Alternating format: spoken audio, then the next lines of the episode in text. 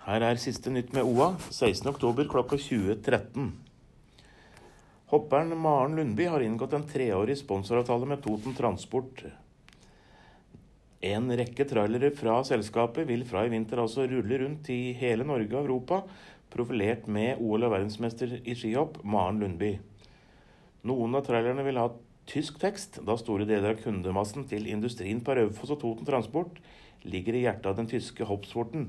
Det skriver selskapet i en eh, pressemelding.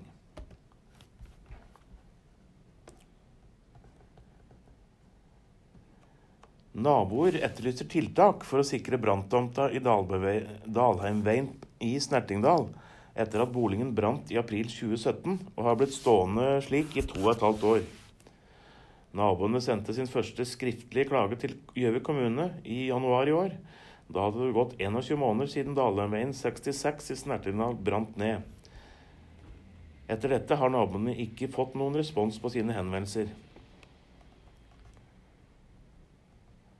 Gjøvik kommune forklarer det bl.a. med et langtidssykefravær, at de ikke har klart å følge opp henvendelsen så godt som de ønsker så langt.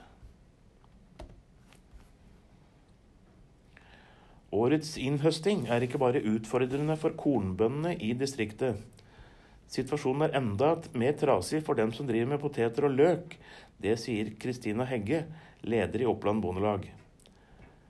Hun opplyser at halvparten av potetene på Toten ennå ikke er tatt opp. Kvaliteten på avlingene er dessuten forringet pga. hvete og kulde. Det samme er tilfellet hos oss, sier Trond Huse på Midtre Seierstad gård på Lena. Han dyrker bl.a. 380 dekar potet. Halvparten av avlingen ligger fortsatt i jorda.